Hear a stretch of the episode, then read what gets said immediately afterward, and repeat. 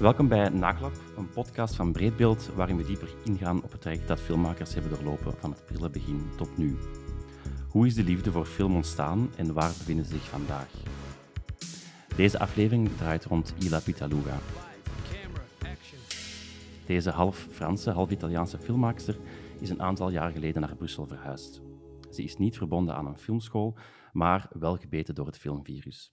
In 2021 won ze de No Film School Award op het Breedbeeld Kortenfestival met haar film Sunday Nostalgia. In al haar werk spat het plezier van het scherm. Ze legt daarbij sterk de nadruk op het samen creëren met een hecht team. Ze maakt werk aan een hoog tempo, zowel fictie, docu, muziekvideo's als korte reclame. En in 2019 richtte ze haar eigen productiehuis Enfant Terrible Films op. Zelf zegt ze daarover: As no one was inviting her in, Ila stepped in the movie scene with the sole goal to turn everything upside down. Hello, Ila. Welcome. Hello, hello everybody. Hi. I try to do, I try to say hello in Dutch if you didn't notice, but hello. Sorry.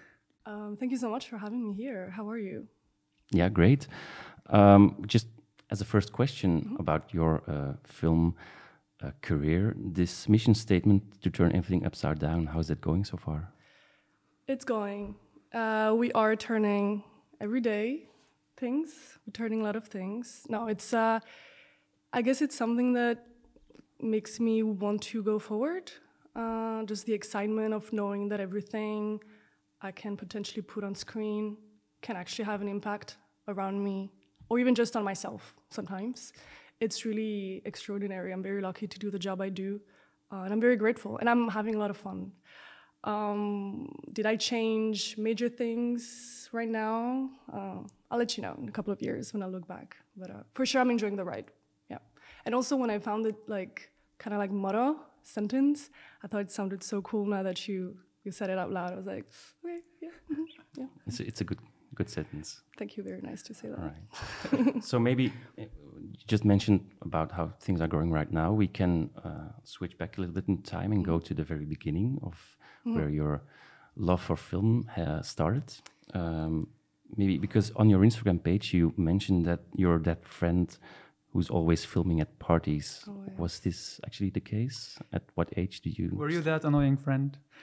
I, I mean, I've been annoying at times for sure. I'm not gonna lie. I uh, did like kind of force myself into not not myself. I forced my friends into being my films and my family and my grandparents, pretty much everybody around me uh, at a young age. Uh, but I also do think, uh, in my defense, I'm gonna like ask them and let you know. I actually think it's cool like to have images of my friends and I when we were like 14, 15, because we looked like yeah, I mean we were kids, full of pimples and like crazy hair, and uh, it's actually a good memory to see how far, how far we've just gone. Um, very proud of the people we were becoming and think. I mean, one of the things that um, fascinates me the most about films is really how you can freeze time. It's like a little bubble, and then you like capture it, and then you can watch it over and over. And I'm not a photographer, although I have a lot of respect for photography, and I, and I feel this link.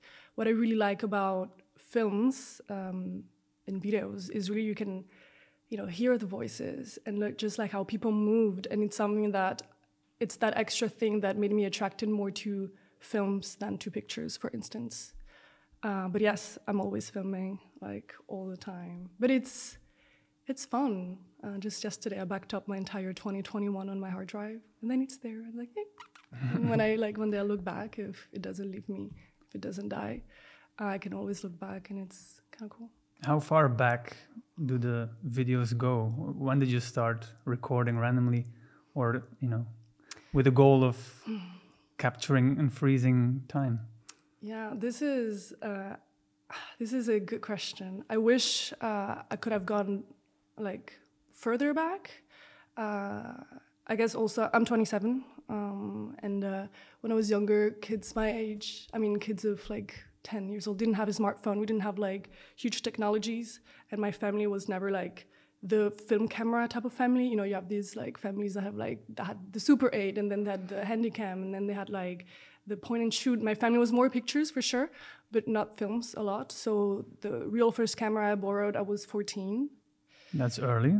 Yeah, so I borrowed it from a man. And he had like this orange red van that then I used in a parody of Twilight, uh, if you know the reference. If you know, you know. I'm not gonna deep any. It's a weird start of the story when you say I was 14 and there was a man in an orange van and there was a camera. Yeah, no, no, no. It was Are you okay? I'm okay. I, I went through my childhood, all right, with the usual dramas and, and traumas, but I'm good. No, uh, he was a friend of my dad, and he had this van and a uh, film camera. I mean, a Handycam, uh, high eight, super eight. So like not VHS, but people call it VHS, whatever, to simplify it. And I borrowed both his camera, and we filmed an entire. I don't know. It must have been over 20 minutes uh, parody film of Twilight because we were 14 and that was the time. Um, and we had fun. We just recreated the entire scenes. And then, if you know, Bella has this. I can't. I can't believe I'm talking about like Twilight when I talk about my. Uh, uh, Yes, yes, yes. Departure. Busted, but please continue. yeah. Anyways, Start Um, somewhere, yeah. You know? yeah, you gotta start somewhere. And so this was where exactly? In Italy, in France? Where, where did you live before? All right, so um, I don't know really how to like give an example here that you could uh, relate to it. So I really lived on the border, meaning every day I would pass through two to three different borders because I was literally on the Italian side of the border, but I would go to French school. But it's literally like I don't know, like from mm, like Brussels to Mechelen. It's like really close. Um, and yeah, and I would just like drive. And then uh, when I got older, I also like went up to Monaco, which is, if you didn't know, it's another country. It's not France. So it's everyone around where I lived and grew up crosses like three borders a day. And of course, because Europe, it's not as problematic anymore. Uh, you can freely go. Um, so that was on the border. I'm here. I'm pretty special in Belgium. I'm like, mm, yeah. I'm like, but where I'm from, everyone is like me. We all like half and half. However, you moved to Brussels. What, what made this move? Uh, can you? Um, I've been very privileged. Um, I, I got like good education. I first left pretty early. I think I was 16, 17. I moved to, I went to the US for a year to learn, uh, like to speak English and stuff. And I think in Belgium, I have way more friends that do this program. And they just go abroad to learn a language. Uh, where I come from, it's a bit more, it was a little bit more, um, yeah, unusual. And then I don't know, I came back and yeah, I mean, there's something very romantic of the town I grew up in. It's a small town. It's very calm. It's it's gorgeous. The food is good. There's it's sunny. It's south of France, right? Um, but then I needed more. I um, I felt somehow trapped. Uh, I would refer it often. I refer it as a golden cage, south of France and whole this whole area because you for some people it's a little more complicated you know if you're not uh, conforming to the norm in my case being uh, a queer artist being a woman that has like uh, uh, inspiration and like aspiration to do more with her career it's a bit more complicated although i'm still one of the most privileged kids right but like it's just like i'm happy to go back of course um, and it is like i still call call it home I was thinking about it the other day when I say I go to my parents and say, yeah, I'm going home. But actually, I made Brussels more my home today than it is south of France. Yeah. And how did, did movies or like film play? play did it play any any part in this move and staying in Brussels? And Absolutely. hmm Yes. Um, there's a lot of, I have a lot of inspiration when it comes to images and colors and, yeah, lights when I think of South of France. But practically, at least on my experience, probably, you know, again, the family I come from, not having all of the resources or contacts, it was very, very difficult for me to uh, make films and have like a platform beside the internet, right? But like having a platform to um, meet people and, and show my films and, uh, and work with people. Um, it is probably because it's like um, the Riviera, it is like La Provence, it's not a capital city or a big city at all. Um, but just, I don't know, if either for the, I mean, on one side, there's the mentality that has this maybe like blockage, but also just the possibilities if you don't have the financial the, the financial status, just the financial availability, you cannot like make films. Whilst when I moved to at least Brussels, I I made friends, of course, right away, and and friends that were in the same industry. Uh, we skated together first, then we made films, and it was just like, we like this, let's do it. We want to like turn things upside down, whatever that meant back then. Uh, when I found out this, uh, Like you turn upside down a skateboard. Right, right. That's it. That ah, you're right. That's where it comes from. But anyways, um, and then I just came here, and things felt easier for who I was, for the messages I wanted to to to work on, for the films I wanted to do, and uh, How old were you when you arrived here? so it was uh, already four years ago. Uh, so I was like, okay, 24ish, something like this. 20, yeah, 24. But then I have like the two years of COVID that were really weird. Yeah. Um, So, but still, it's a pretty. Uh, let's not say late age, but you did you study already? Like do stuff Yeah. all, all in France?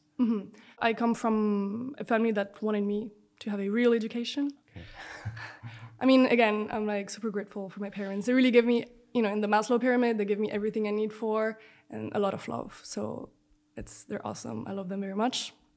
But you know, my mom is is a teacher. My dad is he grows cacti, uh, and actually, it's like an upbringing, even like in family history. Uh, they came from nothing. It's the type of family that they worked the whole life, no holiday, everything to just have a good family and and provide. And and I respect that. I think this is very honorable. They did a lot for my sister and I. Both of us we had equal opportunities and yeah, we worked. They worked hard. We worked hard, and I think this is something that really helped me in uh, creating Enfant Terrible. Really, this work ethic from my grandparents to my parents and I. I think there's really this like work hard, play hard kind of thing. No, actually, that's not true. It's not true. I think I play harder thanks to them. I don't think they got to play hard, uh, and I can feel it as an adult, but I'm in no position to judge.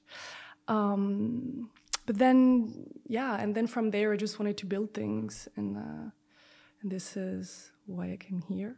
You mentioned a place that, like Jurassic Park, was your first movie that you saw and you wanted to direct. Why was this the case, and what you what was your love about films and making movies? Where did this? Uh, I mean, I think I'm I am definitely a Spielberg kid. You know, I'm one of those kids that watched his films like, oh my god, I want to be a filmmaker like him. I love dinosaurs. I loved it so much. I actually wanted to be a uh, paleontologist for the longest. I mean, not the longest time, but during my childhood when I was a child. And then very young, my mom was like, again, going back to the family structures, like, there are no more bones. There's not gonna be jobs for you. You need a job that No makes more you money. bones. And so, and then you come up with, Blasphemy. with being a Right. filmmaker. as She's like, good you brought that on you. Yeah. Yeah. Um, I guess so. Yeah. So, how did you learn to make movies? What did you do? Uh, I was on YouTube and I watched this these two siblings, these two sisters called uh, Hilly and Hannah Hindi, and they have the Hillywood show. I don't know if it rings a bell. That was like 20, I don't know, 2011, 2010, something like that. And uh, they made this these parodies, you know, starting from Pirates of the Caribbean to Harry Potter to, of course, Twilight, and they went on and on. And they really now are in the Comic Con and like fan base of. Um, they really are super good in that. Um, and I just saw how they made films, and it seemed so fun and easy. I thought back then, lol. Um, and yeah, and then that's the first time I really brought my friends together. Back then, I had a little. It was called Pita Gonzale. It was this girl and I. We we merged our last names uh, and to create Le Pita Gonzale, and we made this again Twilight parody.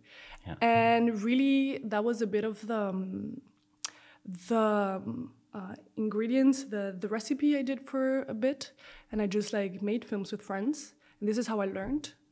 Uh, from there on, I went into school, uh, not into film school. I, like I said, I needed a real degree, so I went. I did marketing. I did business. okay. Yes. All And from there on, I, you know, I always had like summer internships, and all of my internships were in uh, film companies, production uh, houses, and ad agencies. And everything I could learn from, I was just like absorbing everything the, the production style, the how the director would speak to people and, and all. And this is really how I learned uh, because that's what I had access to. Uh, I, I was always there. I remember in the small town where I in this village actually where I grew up. It's called Grimaldi. Uh, they reused uh, a big street to recreate a scene in the Grace of Monaco film. Okay. You know, and um, and uh, because of course for politics they couldn't actually shoot in Monaco, they recreated everything. Uh, and so I remember the, the whole crew uh, came there and, and the actors, and it was so fancy and it looked so good. They painted over like the street signs, and was like a big deal. You know, nothing happened like much in Grimaldi anymore. So, um, and yeah, and every time I, I walked up to the it's like, hey, can I help with anything? Of course, I said no. But uh, yeah, I just learned through internships. That until uh, university, I finished. I came to Belgium, Brussels, because. Um, I finished uni. That was my uh, uh, marketing um, degree. Then I worked one year in an agency, and then that was my. Ba- I finished bachelor. I worked one year. I made some money on the side. Then my parents were like, again, hey, it'd be nice to have at least like some more safety. Wouldn't you like to do one extra year of school? And I did this uh, entrepreneurship uh, degree which helped me a lot because then I also had another project called uh, Precious Films. I was like, yeah, awesome, let's do that. It's really interesting. So I'm gonna learn how to like handle and, and manage uh, my company. Yeah. Uh, and it was like six months in Milano and six months in Brussels, uh, ULB, uh, Politecnico et ULB Solvay. And um, and then uh, actually by the end of the semester, uh, Precious Films died out because the project finished like that. It's like, okay, I did this entrepreneurship uh, program and now I don't really have a company anymore. But towards the end, Enfant Terrible was born again. It was like a more mm, creative, definitely, and social concept I wanted to develop with Enfant Terrible. Um, and then I stayed in in Belgium. I stayed in Brussels. I actually worked a bit in Antwerp. Okay. I was uh, intern. Um, my internship for that end of the year was in Caviar. So, ah, yeah. so I was PA, production assistant slash, slash uh, everything you need me to do person. like, uh, but yeah, and that's how I learned a lot. Um, So this is what you do now in daily life. You you work, you do internships, and on the side you make movies, or it's really the way you live now. the way I live now, the way I try to live to, to survive today, um, I'm full time. So I finished my studies, yeah, like in end of 2018. Um, yes, and I got a very good job, very good first job as a producer in an agency that made, let's say, campaigns for the European entities. And from from where I come from, it looks amazing, right? I'm French Italian. Thanks to Europe, I managed to travel. I went to the States. I, I'm learning languages. I'm, I got a lot of opportunities thanks to Europe. You know, my, my grandparents met uh, through the border. You know, what are the odds? You know, that's crazy back then.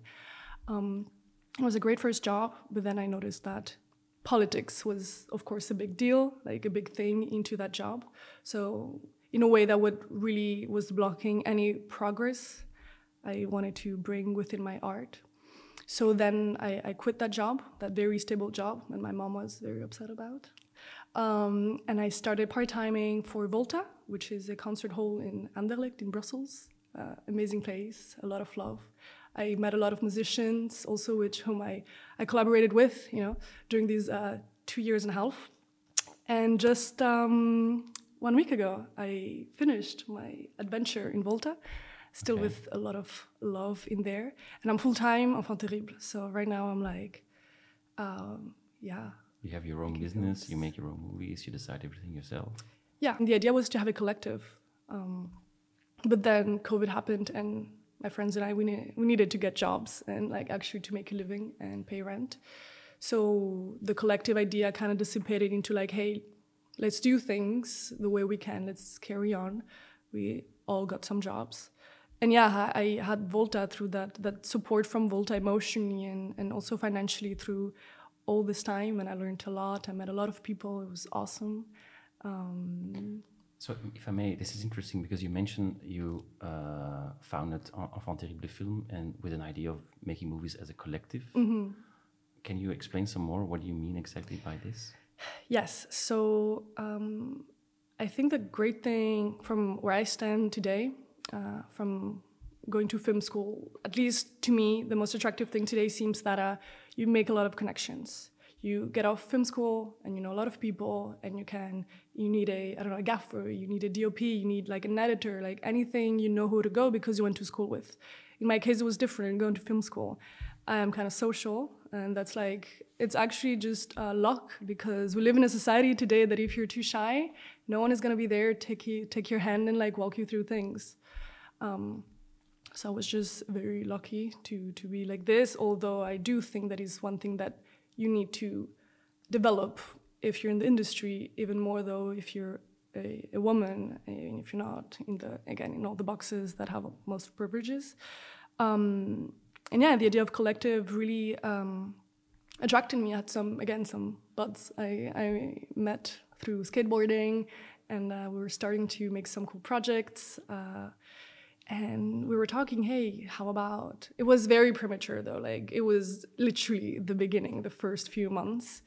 Um, and um, i think there's something very enriching in cinema altogether to work in a crew. Uh, and it's not to bash the whole youtube culture. I think one, one, one man one woman show is a possibility that some people feel comfortable with and i think it's, it gives access to some people that cannot reach for you know, for many reasons, uh, other things. Um, but I really like to work with people. I really like like having somebody even disagreeing with me and discussing things and finding new ideas. I think this is very enriching. Um, so that was the the initial idea. I wanted to like talk to people, like-minded people, or even different-minded people. I think this is also very important that don't have the same experiences because I'm not gonna be able to tell the story of somebody I'm not. So working with people so different from me would have been amazing. Um, but that thing, yeah, again, like kind of like died out with COVID. Rip. Uh, but it didn't prevent me from working with uh, people of that sort, artists that think like me, that have, okay, to me, I think what's important is working with people with similar values Okay. and ethics. And similar values, but working together to tell the stories you come up with? Because it, it's like Sunday Nostalgia, for example, is your movie, right? It's a story that comes from your life. Yeah, indeed. So, and all the other movies you make with Enfant Terrible the Film, are they your your films or the films of The collective. the collective? Um, yeah, pretty much from the beginning, it became mostly me uh, as a director. Uh, I would like to keep an option for near future, uh, more or less, to have uh, multiple minds. Um, and I and I think that's great. I think that's like a secret a bit of success to have like to build something cool together, to have a synergy. So far, though, it's true because of COVID, we we didn't reach uh, that point. We were um, I worked a lot with a friend, Simon Dancel, uh, and he was at the time very much interested into camera work and directing a bit, but more into camera. Today he's a gaffer, right? He's a very talented gaffer. So we really evolved a bit. So even though at the beginning we were more prone maybe to experiment because the collective thing never really could like bloom. Yeah, it went up me like the the whole the real structure really became uh, me as a director uh, and a lot of producing as well, uh, especially at first. Um, and then like hiring friends and, and other crew members to work on a project like Sunday Nostalgia. Okay, okay. But uh, nevertheless, uh, for Sunday Nostalgia, I worked with all of them, became friends, um, or were friends already, or just stronger friends, and we really like enriched the story together. So that was great. I worked with the Alexi, the DOP, um, and he did an amazing work, uh, camera work, because Yeah, talking about this camera work, this may be interesting because you choose to shoot a lot of your films on 8 millimeter or 60 millimeter or Super 8, Yeah. which is not evident because since it's very prone to mistakes or going wrong. Yeah. And as a person, no film school, doing everything yourself, it's your own business. Why this choice to do it this way? Yeah, it sounds like a fake good idea now that you put it like that. Uh, again, I do think what uh, fascinates me the most of films is really this ah, I don't know the Sunday nostalgia. I, I think really, if I really had to juice out how I like what I like of films, is really all in that movie. Although I, I grew out out of it. I mean, it's uh, artistically, uh, technically, also we all grew a lot from that project. But Maybe can you explain what it's about? Yes, so Sunday Nostalgia uh, is a uh, short film, eight minutes long. I don't know, we shot it, I think, in the summer 2020, in between the two main lockdowns. Um, and the core feeling of it, the core story is when it's that moment in your life when you understand that a period is over. So it's one of the last night you're gonna spend with that specific group of friends because you know the day after, or the week after, the month after, you're all living abroad, you're all getting a new job uh, outside town, or life is gonna change. And I've had it a couple of times in my life, and I don't think it's only coming of age. Even now, as an adult, I get that when you uh, of course, when you finish high school, for instance, the last few days, you can tell that momentum, that thing in the air that is like, oh my gosh, like it's gonna be over. These people, I see their faces every day, and it's gonna be something else. Or, you know, I moved a couple of cities, and a group of friends, I could tell it wouldn't be, it couldn't be the same anymore because we couldn't be physically together. Um, and yeah, even the last uh, year of uh, master of uh, school I did here in, in Brussels, it was an amazing class. It was an international class, so a lot of kids went back to, you know, Latin America, uh, Asia, like Northern Africa. Like it was very like everyone went back home. And one of us last night we went to Madame Moustache in city center of Brussels, and it was and we went we really stretched that night until like six in the morning. We we ate at uh, Haddad's house and we, had, we went to take some breakfast and um, yeah, it was it was magical. And so I wanted to put that feeling into movie in movies, and I made sense to me that that sort of nostalgia comes on picture, like on on millimeters, on 16 millimeters, something that you can almost touch with your eyes. Um, It's often connected to memory, or mhm. it's like when you remember when you think about your memories from or your most cherished cherished memories. Mhm. It's like you're looking at a at a, a 16 or 8 millimeter sure. like momentary flashbacks, Mhm. light coming in or out. You know, it's like a, it's like a movie. And I had the feeling with that film as well. Yeah, it, it it's really well communicated. Thank you. I think. Yeah. Uh, and coming to the cost of films, we did have a um, Kickstarter campaign. Yeah. Yeah, sites. money. Crowdfunding. Crowdfunding, love crowdfunding. well, if you have a, an ensemble or like a, a collective, you must love crowds as well. No? yes. But no, you, you didn't only do this for Sunday Nostalgia, but also for like previous projects, like uh, a movie called Leather, which also got uh, to some festivals. Yeah. Uh, Leather was a good project. Uh, and that was because it was a um, Super 8 challenge. So it was with, what it's called? Uh, Straight 8. It's called Straight 8. It's a uh, competition, a British competition, uh, that basically you shoot your film on a Super 8 uh, magazine and then you blindly send it. So, meaning without any development, without seeing it, because Oh, of course you can't see it because it's on film. Yeah. Uh, and then you also need to send an audio that goes with it and somehow sync it. So I can't tell you what we went through um, to make it work. And then you discover it with everybody together because for the first time you watch it and you and you also you discover it with the audio synced for the first time at once. It's a crazy experience, and um, and I really enjoyed it. Um, So hold on. You shoot this on eight millimeter, yeah, shot per shot. Yeah. In a sort of you storyboarded, it, I assume, Yeah. to know where you're at at some point. Mm-hmm. You record audio separately. You send both packages to Yeah. the organizer, and they sync it. exactly. and then that's your film. That's your film. Kinda. I mean, until you see it, but it is. So yes, you shoot it. We shot it chronologically, of course.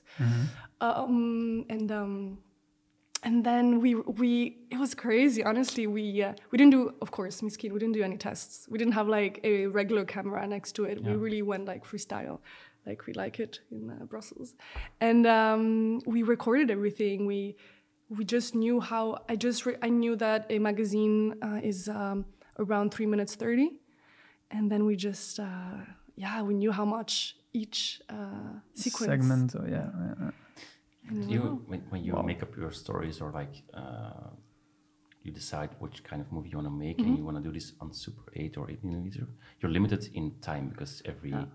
It costs money but also you're limited in the length Mm-hmm. do you think about stories knowing about this length minimalization or Mm.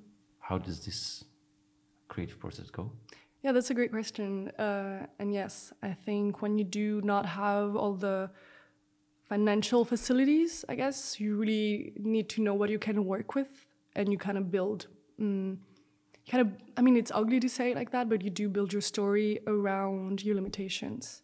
If you know you can't do a crazy sci-fi films with like crazy super effects, that of course you're not gonna do something going there without wanting to look a, a bit like a B movie, which is totally fine, of course, if you want to. But okay. Um, so yes, all of the stories, all of the films I shot so far were within the things I knew I could, uh, you know, uh, pull out. I guess. Um, yes, I mean, one day of course, like I'm currently actually working on a sci-fi films, which uh, I would like to actually have good uh, visuals. I'll let you know how it goes. okay But before that, you know, all of the the work I've done as a teenager, I did some. Uh, okay, enough with the Twilight. I also did a Skins parody, and if you know, I mean remake. Um, so if you know Skins, I mean that's like already like a step above. I'm really a skin a Skins um, kid. Uh, I really grew up uh, through that TV show. Did a lot for me. Um, and yeah, you just like, and then, you know, Sunday Nostalgia is a story of my friends today. Then I did like Leather, which is the story of a, f- a real story of a friend that happened to her. And all of my, my main films mm, talk about my life or my friends' lives because definitely um, practically is what I can also work on. It's very hard for me to like go beyond uh, the, the mediums I have available. But um, this emotional connection to stories of your own life or your Mm-hmm. friends' lives is very important to you when crafting a movie. Yes, I uh, I don't know what you think about it, but I do feel like when I create, I have to relate to the story. Um, if I make something, I need to be able to to know what I'm talking about. I wouldn't feel at place talking about something that I'm not part of. Uh, one big thing, one big project that I've had recently was um, a documentary on ballroom. So you want to Vogue, huh? I've been asked by For All Queens Can you explain ballroom? yeah, so ballroom comes from um, a community back then in New York, back in the 80s, um, queer, black, trans community, femmes, and the way of expressing themselves was to just reunite, and they were performing and being creative and being artists, and they really like grew into into that. Today, people uh, when they hear Vogue, they think of Madonna, but it was a lot of appropriation from that culture. And now, like lately, with thanks to the TV show like Pose, or even more um, visibility on the ballroom scene, a lot thanks to For All Queens and other great uh, associations and collectives and visitors around the world are like, you know, like uh, are proud of who they are and defend who they are. Uh, is is doing is great. It does a, a lot uh, of good for a lot of people. They are superstar. They're safe uh, in that world, and we we worked on a documentary also to um, educate people about it. So again, I was more of the the visual facilitator in that project. And how did they get to you? right? You must have had the same question. Yes, I uh, worked before that with uh, Promise, which is a uh, um, Brus- half Brussels and half uh, Antwerp uh, duo. Uh, it's uh, two amazing artists, and I worked with them on a video clip they did with uh, Promise and Emma Bale, which I shot on film, of course, uh, thanks to What else? the great financial uh, things I have in my life. No, no, no. Um, and um, uh, for All Queens, first contacted uh, Promise, which is also they're queer, um, but they they saw my work for Brain back in the days, and they uh, thought, and I still thank them for that, to refer me to a better available person to to take care of, take like take part of the project. Quite an honor, yes. Yes, it was. You know, it's very. Um, Um, it's one of the things. It's one of the projects that definitely made me grow a lot as an artist. Uh, also, the the thing of, am I? Um, what's the word? I always forget this word, but am I supposed to be the person to tell this story? You know, like I am a cis white person. I'm an artist, uh, and I I know through films. To me, making films is very political. The people you work with, the people you put in front of the camera, the people that are behind the camera. You know, today is very more than ever. It's becoming more and more important. So, um, working on a project like, I mean, I, I felt absolutely uh, wonderful. It was a great collaboration uh, with For All Queens and the whole cast and crew, the talents. I mean, it was awesome. Um, Did you edit the film yourself as well? No, no, no. So I that was Ember, and she also won an award for it. So. Yeah, because the editing, I mean, the first three minutes are visually dazzling. I Mhm. think. I mean, it's really amazing. Yes. But it does also um, uh, refer to your own, I mean, to your earlier work because you often work with frame within frame. You you you you alter between um, frame sides or sizes. I mean, like you. Yeah, you did your research. Yes, yeah. yeah, yeah. He made me do it, but, but uh, Complicated, and you that's know. that links to that in a way. So uh, it's yeah, y- Mhm. you can really see it's your work, Mhm. even though someone else edited it. And yeah. It was awesome. Ember was uh, crazy good. Like we we rewrote all of the dialogues because it was like a semi-fiction documentary, meaning we did build a set, we did create the situation for So You Wanna Vogue, huh? I mean, Zelda wrote all of that and prepared all of that, and the whole scenography was there. But she um, like moderated, like she she directed the the cast into talking to to each other, and that was not scripted. Uh, she was throwing the themes, what uh, she wanted them to talk about. in the moment, hmm when there's the big conversation in the living room. Uh, but most of it is like uh, improvised. And then Ember wrote, she made us rewrite everything. And then we cut, probably this is how people do it. But for me, it was like mind blowing. What? Like this, especially documentary, is crazy. It's crazy work. Um, and then like we made a puzzle first on paper. Um, Ember really, she moved everything upside down. The structure I initially had thought for, for the documentary was way more uh, in chapter I guess, and she really like uh, mashed up a bit more, which I think it, it works very well. And actually, was one of maybe the first project I worked with a legit editor, and uh, again goes back to what I was saying.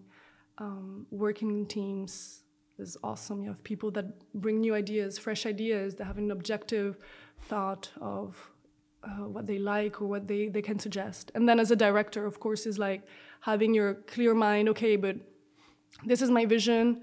What do I let in? Uh, what do I compromise? Is this actually better than what I thought? There's a lot of ego going on. Uh, Did you feel this is next step for you? I mean, like this is the first time you got asked to do to make something not from starting from your own right. your own imagination or something. Did you like it? Is this the way to go? Mm, definitely, I I'm happy I did it uh, because Zelda was there because it was a collaboration, uh, and I could never see myself doing something I'm not, at least not alone, part of. Uh, right after, like after, um, so even a Vogue, huh? I had some artist, had this artist contacting me, and they wanted to do a uh, a short film linked with the Syrian war something I'm absolutely disconnected from. I've never lived war. I don't know what, I cannot imagine what it's like.